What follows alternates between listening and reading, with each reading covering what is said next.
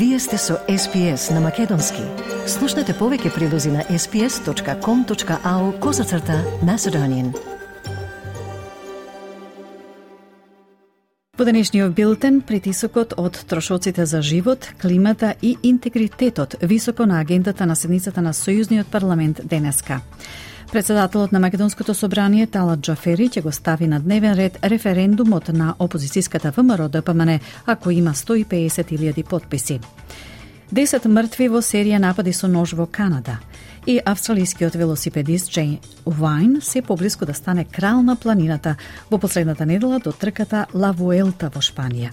На СБС на Македонски следуваат вестите за 5 септември 2022. Јас сум Радица Бојковска Димитровска. Останете со нас. Притисокот од трошоците за живот, климата и интегритетот се високо на агендата на седницата на Сојузниот парламент денеска. Одлуката за стапката на готовина ќе се следи внимателно, а се очекува уште едно зголемување на каматните стапки по состанокот на Резервната банка на Австралија утре 6 септември. Сенаторот на Зелените Ник Меким вели дека сега на вистина не е време Резервната банка да ја зголемува каматната стапка и да го направи да ги направи финансиските тешкоти уште полоши за луѓето со кредит uštediti i za sobstvenicite na mali biznisi, obiduvajući se da riješi problem za koji ovije luđe ne pridonele su ništa. Now is absolutely not the time for the RBA to increase interest rates and make financial life even more difficult for mortgage holders, for renters, for small business owners, trying to fix a problem that none of those people actually contributed to causing. Сојузната влада исто така будно го следи пристигнувањето на работниците од Пацифичките острови во Австралија за да се справи со критичниот недостиг на работна сила во земјоделскиот сектор. 40.000 работници од државите во Пацификот се веќе проверени и подготвени да се доселат во земјава. Сојузната влада продолжи да се спротивставува на повиците за дополнително зголемување на исплатата за баратели на работа, откако најави зголемување на индексирањето на исплатите за социјална помош, што ќе започне на 20 септември. Министерката за труд Клеро Нил вели дека прегледот на исплатата за барателите на работа ќе се изврши во мај следната година како што е веќе планирано. Додека Министерката за социјални услуги Аманда Решфорд го нарече зголемувањето на индексацијата најголемо за надоместување стоците во повеќе од 30 години, а во 12 години за пензиите. Таа вели дека зголемувањето на индексацијата ќе им помогне на лицата кои примаат државни исплати да останат во чекор со трошоците за живот. Но поранешниот лидер на националците Барнаби Джойс за Канал 7 изјави дека зголемувањето ќе биде само проголтано од зголемените трошоци за живот. And we know at the end of the month the fuel excise goes, and uh, a lot of those increases will be gobbled up just in one item alone, uh, fuel increases. So real pressures are going on people, and they, they need, if, unless you want them in poverty, uh, they need to be supported. Старосната пензија, исплатата за инвалидска подршка и исплатата на негувател од овој месец ќе се зголемат за 38,9 долари двонеделно за самци и 58,8 долари за парови. Исплатите за оние кои бараат работа, исплатите за родители и помошта за кирија исто така малку се зголемуваат за околу 23 долари на секои две недели. Изложба финансирана од Австралискиот национален универзитет го истражува расизмот и различноста преку серија фотографии. Еден од портретите е на Ловмор Надоу, трикратен светски шампион во бокс, кој има седум универзитетски дипломи и води своја адвокатска компанија во Сиднеј. Неговата слика е пример за расизам што го доживеале луѓето од првите нации како и доселениците. Господин Надоу вели дека иако сака да живее во Австралија, земјата има уште долг пат да изоди во однос на расизмот и предрасудите. И додаде дека на почетокот кога станал адвокат и седел со другите бели адвокати во првите клупи, бил или прашуван дали е адвокат или пак му било кажувано да седне во задните клупи, бидејќи како што вели, не се очекувало црн човек да биде адвокат. When I first became a lawyer, you know, I recall I would walk into a courtroom, you know, and I'll go sit by, you know, at the bench, and there'll be other Caucasian lawyers sitting there, and the court officer would all, walk up to me and tell me I should be sitting at the back, you know, um, because you know that is only reserved for lawyers. Or they would just ask me if I was a lawyer. Now, what does it tell you? You know, obviously, as a black man, I'm not expected to be a lawyer. Делови од средниот северен брег на Нови Южен Велс се под надзор за можни поплави по обилните дождови во текот на викендот. Во некои сливови беа забележани вкупни врнежи до 100 мл, а се очекува налети од околу 100 км на час долж брегот, вклучително и Порт Меквори, Кавс Харбор и Палина. Скот Мекленан од Државната служба за вонредни состојби изјави за ABC дека некои реки се под постојан надзор за поплави, а се очекуваат и силни разорни ветрови. The rivers we are watching and expecting to reach minor flood levels are the Arara, the Nambucca, the Bellinger, the Manning, Patterson and Williams Nile. We are concerned about the strong wind warnings affecting the coast, including the Dorigo Plateau, basically from the Byron Bay right down to Port Stephens.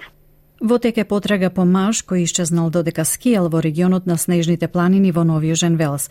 Координираната потрага по скијачот вклучува специјалистичка полиција од Единицата за алпски операции, Државната служба за итни случаи и Службата за национални паркови и диви животни.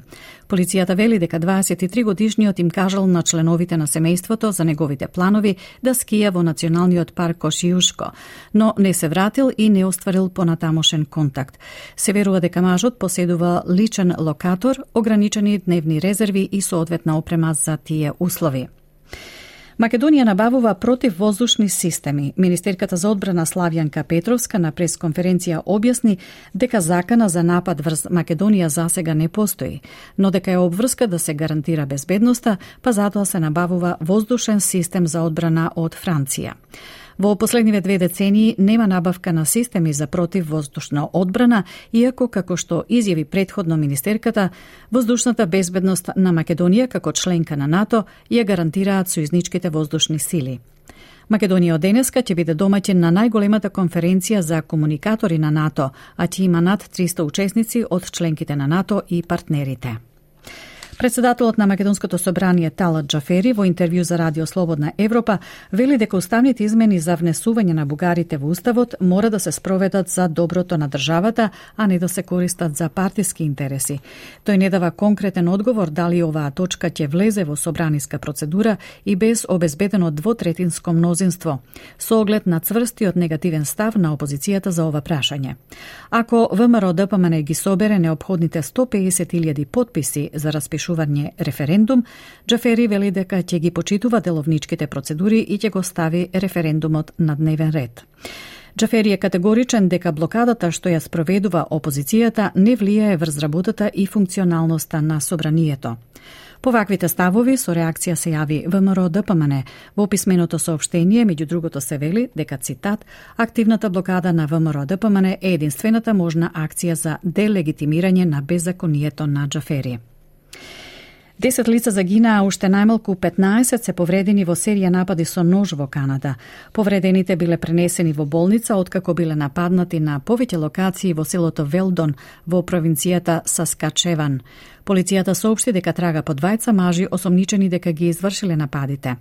Помошникот комесар на Кралската канадска конјичка полиција на Саскачеван, Ронда Блекмор, вели дека во теке официјална истрага. Let me be clear. We are still looking for the two suspects. We are asking residents across Saskatchewan and our neighboring provinces to be vigilant. At this stage in our investigation, we believe some of the victims have been targeted by the suspect and others have been attacked randomly. Германскиот канцелар Олаф Шолц објави план за олеснување на инфлацијата од 90 милиарди долари за да се намали притисокот врз домакинствата, бидејќи резервите на руски газ се намалуваат и сметките за енергија се зголемуваат. Руската државна енергетска компанија Газпром во петокот на 2 септември го запре снабдувањето со газ преку газоводот Nord Stream 1 за Германија, ставајќи ја вината врз техничките проблеми предизвикани од санкциите но повеќето го гледаат тоа како одговор на групата Наци Г7 за ограничување на цената на руската нафта. Канцеларот Шолц вели дека Германија ќе може да обезбеди доволно енергија до следната година.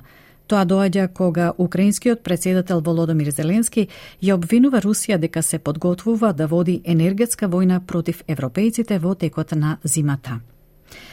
Австралискиот велосипедист Джей Вајн е се поблиску до тоа да стане крал на планинската трка Ла Вуелта во Шпанија, откако повеќе од двојно го зголеми водството во последната етапа низ планините Сиера Невада. Вајн заврши четврт во генералниот пласман на етапата и има зголемено водство во категоријата со 29 поени во последната недела.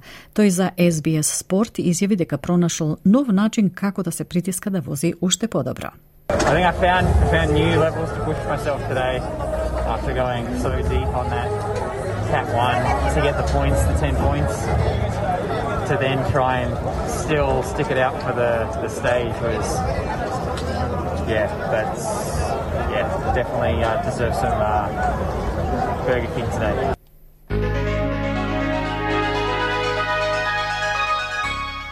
Накусо и временската прогноза за главните градови за утре вторник, 6 септември.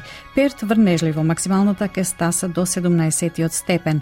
Аделаид претежно сончево 20, претежно сончево и завас во Мелбун, максимална 17, Хобарт облачно 12, Камбера делумно облачно 15, Сиднеј разведрување 18, претежно сончево за Бризбен 22, сончево и за Дарвин 32 и Али Спрингс дожд доцна попладне со максимална до 27 степени.